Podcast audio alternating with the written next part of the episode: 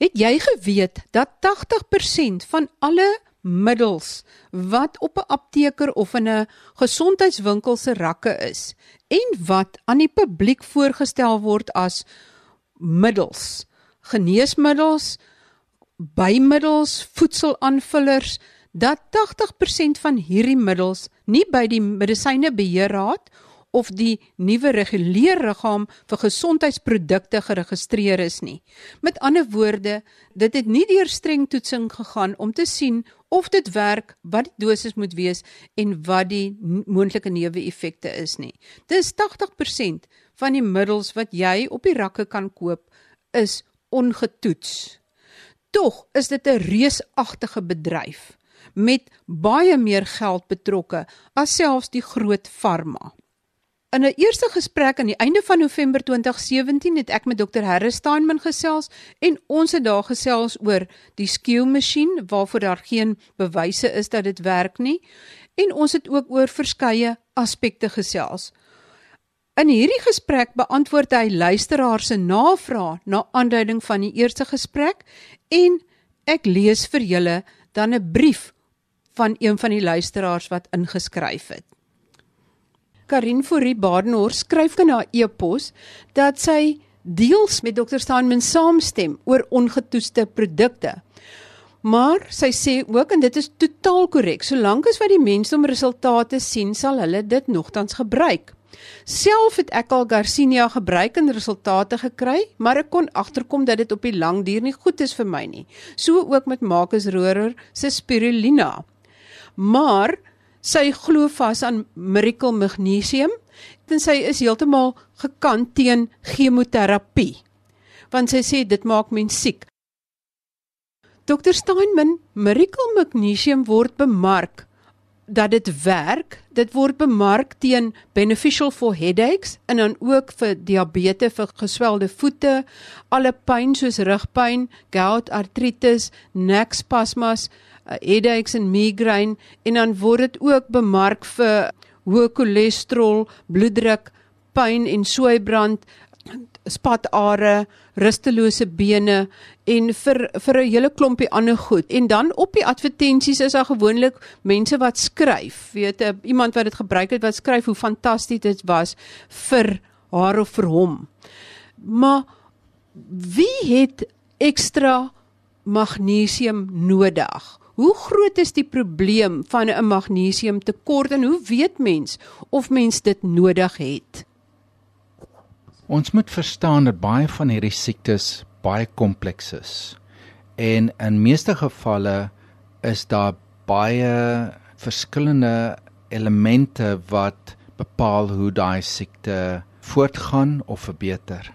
Nou dit kan wel wees in in sê suikersiekte dat deur die siekte is jou magnesium laag. In daai geval as jy magnesiumproduk neem, kan dit wel vir jou 'n bietjie van 'n hulpstoot gee, maar dit gaan nie die siekte verbeter of die siekte ondersteun nie want daar's baie ander redes daarvoor. In ander woorde, suikersiekte veroorsaak dat seker van jou ander elemente gaan daal, maar as jy daai elemente reg sit gaan dit die siekte nie verbeter nie. Net jou liggaam in 'n beter balans sit. Maar die probleem is, elke persoon met suikersiekte gaan nie net noodwendig 'n tekort van magnesium hê nie. En dit gaan wissel van persoon tot persoon. So hoeveel magnesium behoort jy te neem? En dit is moeilik om te sê tensy jy 'n bloedtoets neem. En dit beteken 1 As jy 'n produk neem, is daar 'n risiko dat jy te min inneem of te veel inneem. En as jy te veel inneem, moet jou liggaam nou baie hard werk om die ekses van ontslae te raak. So dit sit ekstra druk op 'n liggaam wat al siek is. Soos met suikersiekte gaan jou niere miskien geaffekteer wees en nou sit jy ekstra druk op jou niere om van die ekstra magnesium van ontslae te raak. En dit is die probleem met die manier waarop magnesium verkoop word.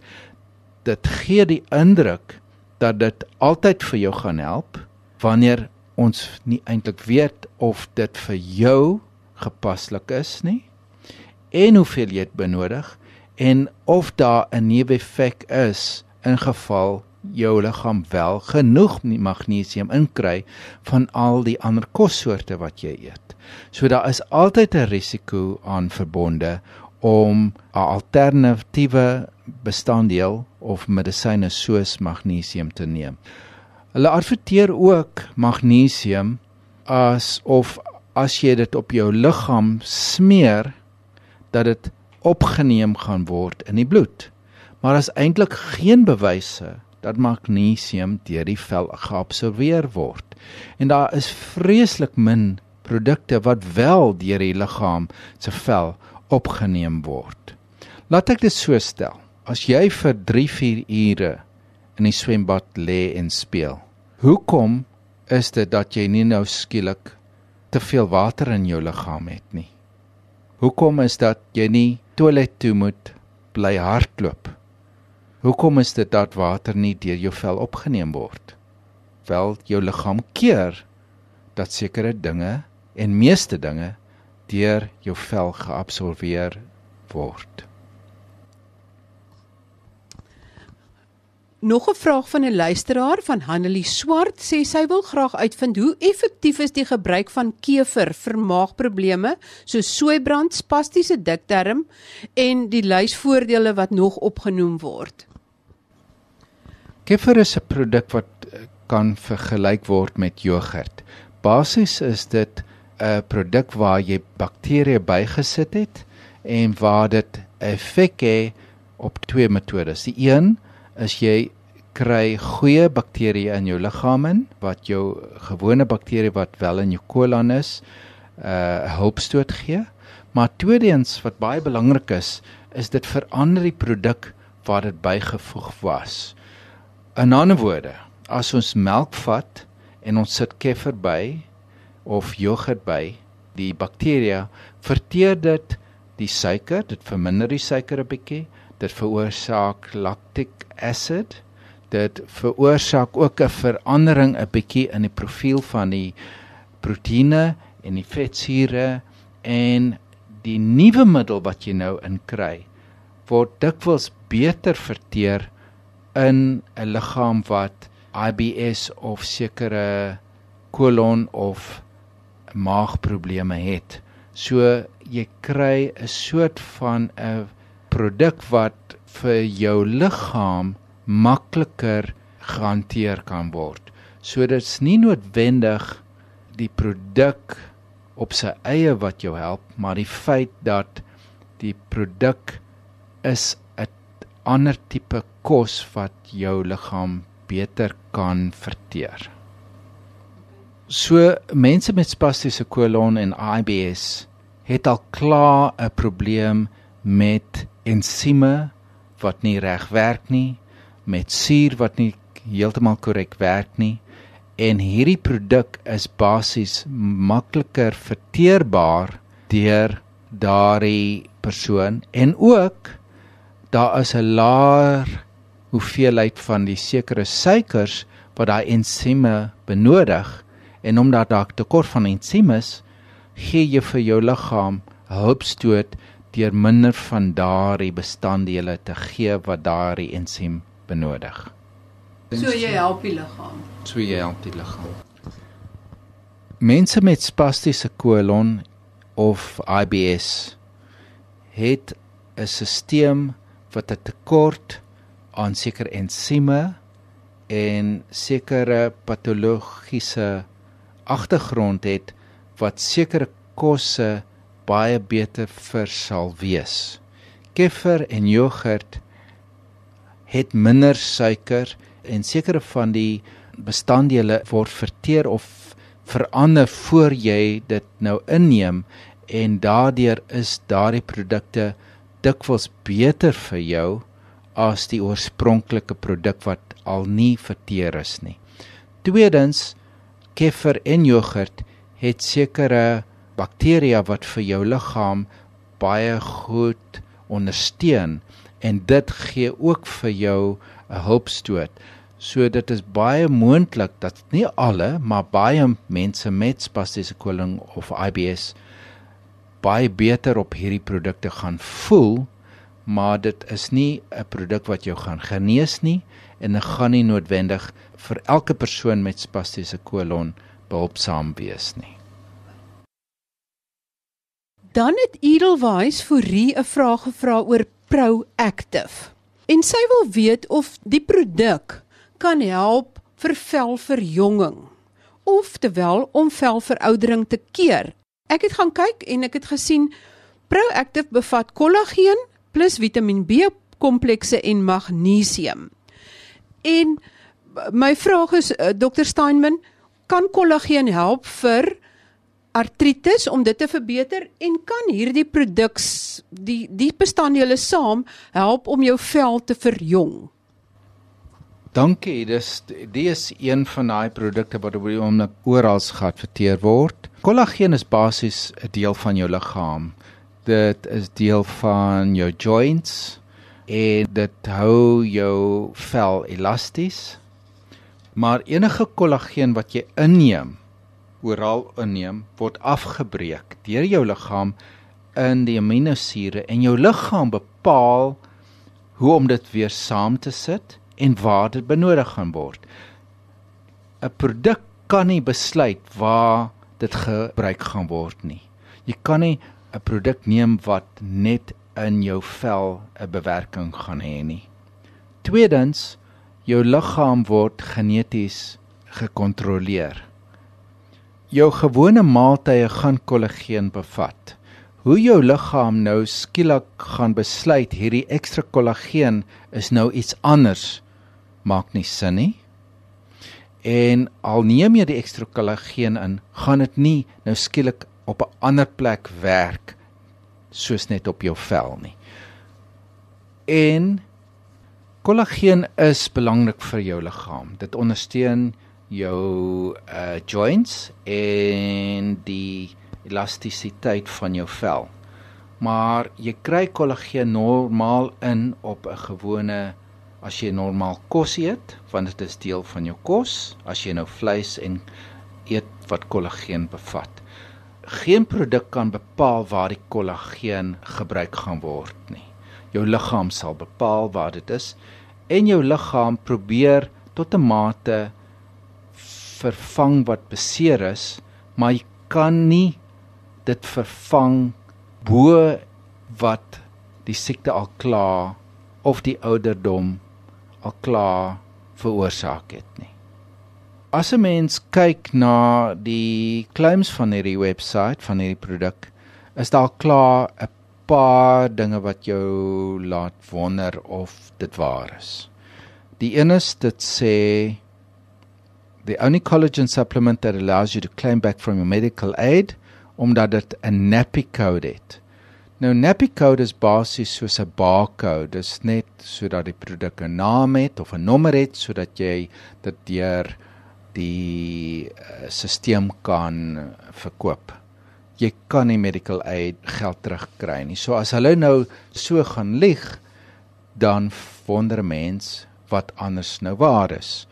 Nou volgens die webwerf het die produk capsicum in ivy birch asiatic centella green tea aloe ensovoorts daar is geen studie dat wys dat hierdie bestanddele saam een effek het en as 'n mens gaan oplees oor die spesifieke bestanddele is daar nie enige fantastiese bewyse dat wel wys dat hierdie produk enige effek op jou liggaam kan hê nie Ek het nou wel aan die maatskappy 'n brief gestuur en gevra: "Stuur vir my asseblief die bewyse dat hierdie produk wel kan werk soos julle nou sê."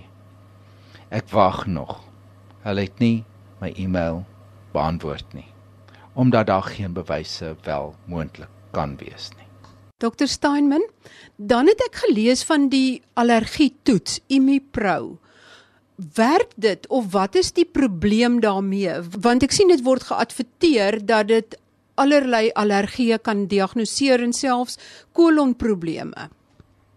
Die Immupro is een van die name vir IgG toetse. IgG is 'n teenliggaam in die liggaam.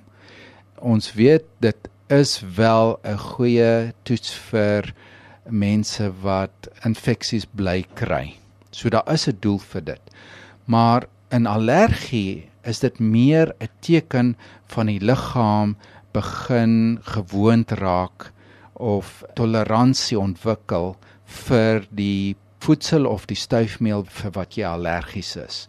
So jy kry hoë vlakke van IgG in jou liggaam waar hy sukkel om te besluit of die voedsel 'n probleem is of nie. Maar dit is nie 'n indikasie dat jy wel vir daai produk vir daai voedsel allergies is nie. Die risiko natuurlik is eerstens die toets is duur, so jy spandeer geld onnodig. Tweedens, jy gaan op 'n dieet wat nie vir jou reg is nie, so sekere kos wat jy nie teen allergies is nie, maar jou liggaam het toleransie ontwikkel word van jou weggeneem, so jou dieet is nie eintlik gebalanseerd nie. En derdens, as jou liggaam wel toleransie opgebou het teen daardie voedsel, gaan jy 'n baie hoë IgG hê wat volgens daai toets gaan aandui dat jy die voedsel moet vermy. En as jy nou daai wel daai voedsel vermy, gaan jou allergie terugkom want die hoë IgG is die meganisme vir toleransie om te keer dat jy neeweffekte gaan opdoen. Onthou, IgG is nie net Imupro nie, maar daar's ander produkte in die mark wat onder ander name gaan maar wel vir IgG bepaal. Die enigste toetse wat wel vir jou gaan help is IgE toetse, maar selfs in daai geval werk dit net in omtrent 70% van mense wat allergie is, want in 30% word dit nie deur teenliggaampies gehandhaaf, maar ander meganismes waar ons nog nie goeie toetse verontwikkel het nie. Maar watter toetse is wel wetenskaplik gegronde allergie toetse? Is dit soos die velprik toets? Ons moet sekerheid hierso gee sodat jy wel weet. As jy tekens van allergie wys, in 30% van gevalle is daar geen bloedtoetse of veldtoetse wat jou gaan help. Dis net 'n goeie goeie geskiedenis wat 'n goeie diagnose gaan gee. In die ander 70% van mense is daar wel twee toetse wat jou sal help. Die een is veldtoetse en die tweede is 'n bloedtoets met die naam IgE. En daardie toets is wel goed vir jou, maar hulle gaan nie met 100% sekerheid 'n diagnose maak. Wat baie belangrik is is om om te onthou dis 'n diagnosiese hulpmiddel en niks anders nie. In ander woorde, dit gaan saam met 'n goeie geskiedenis. Op sy eie beteken dit niks nie, net dat jou liggaam wel teenliggaampies begin vorm het, maar op 'n lae vlak sonder simptome is jy nie allergies nie op 'n baie hoë vlak met simptome is dit dan wel gekorreleer. Dr Steinman, daar was baie vrae van luisteraars oor verslankingspille. Pille wat jou kan laat gewig verloor of die vet verbrand. En spesifiek was daar vrae oor Herbex, juis sekerlik omdat ons tans so baie advertensies oor hierdie produk sien. Waar staan ons met gewigsverlies tablette? Ek dink die grootste area is die gewigsverliesmiddels. Laat ek dit so stel. Big Pharma maatskappye wat biljoene dollars kan gebruik om iets te ontwikkel, kon nie iets kry om te werk nie die beste behandelings wat op die mark is werk nie baie goed nie want hulle kan net nie 'n goeie middel kry nie want dit is 'n baie komplekse area. Nou kry jy middels wat nou sê jy kan gewigsverlies van daaf of ontwikkel deur hulle behandeling soos Herbex en daar's 'n reeks van hulle. Daar's geen bewyse dat dit werk nie. Daar's geen studies wat dit uh, wat bewys dat hierdie middels werk nie. Hoe is dit moontlik dat Herbex nou 'n behandeling ontwikkel het wat big pharma met alle miljoene nie kan ontwikkel nie. Nou Herbex maar verkoop 'n appetite control tablet wat fenugreek in het. En al die bewyse is dat in eerste plek help dit met jou appetite dat jy meer wil eet, maar dan gebruik hulle dit ook op 'n dosering wat uh, nooit bewys is. Dit is so laag dat dit geen eintlik geen effek gaan hê nie. Maar daar's niemand wat gaan kyk om te sien of dit wel in die produk is of die hoeveelheid reg is of die claims wat gemaak word wel waar is. Maar dan gebruik hulle wel in advertensies mense wat sê hoeveel gewig hulle verloor het en daai uh, laer gewig behou. Hoe werk dit dan? Is daai mense dan gesamentlik op 'n streng dieet saam met die middels wat hulle moet neem of hoe werk dit dat hulle dan wel gewig verloor? Dis 'n goeie eh, punt wat jy nou stel. Daar's geen bewyse of die effek waar is nie of dit kan wel wees dat daar placebo effek is of die persoon het nou wel 'n dieet bygeneem en die, ons weet wel dat as mense op 'n dieet gaan en hulle het 'n rede om daai dieet te volg dat hulle wel gewig gaan verloor. Daar's onlangs 'n studie wat wys waar hulle 'n groep mense gevat het in drie versprei en die een is soort van 'n krui gegee en die ander 'n placebo en die ander net 'n lifestyle verandering en een van die mense het 29 kg verloor maar uiteindelik was die kry nie eintlik 'n kry nie, dit was 'n placebo pil. So selfs op 'n placebo pil het een persoon 29 kg verloor en dis daai persoon kan maklik nou skielik 'n testimonial gee vir een van hierdie produkte. En daar is geen regulasies wat seker maak dat daai testimonial basies waar is en gekoppel kan word teenoor 'n spesifieke middel. Dit, dit kan wees dat iemand net glo dat die pil of die middel wel gewerk het sonder enige bewyse. Ons het in die vorige gesprek oor pseudowetenskap het ons ook verwys na proteïnaanvullers wat volgens die wetenskaplike bewyse nie werklik effektief is nie. En 'n kommerwekkende aspek wat daar na vore gekom het is dat proteïnaanvullers aan kinders, jong kinders bemark word en dat van hierdie aanvullers dan Garcinia bevat. Daar was heelwat luisteraars navraag oor Garcinia en dan ook oor Garcinia in sportaanvullers en spesifiek vir kinders. Kan jy vir ons meer vertel daarvan?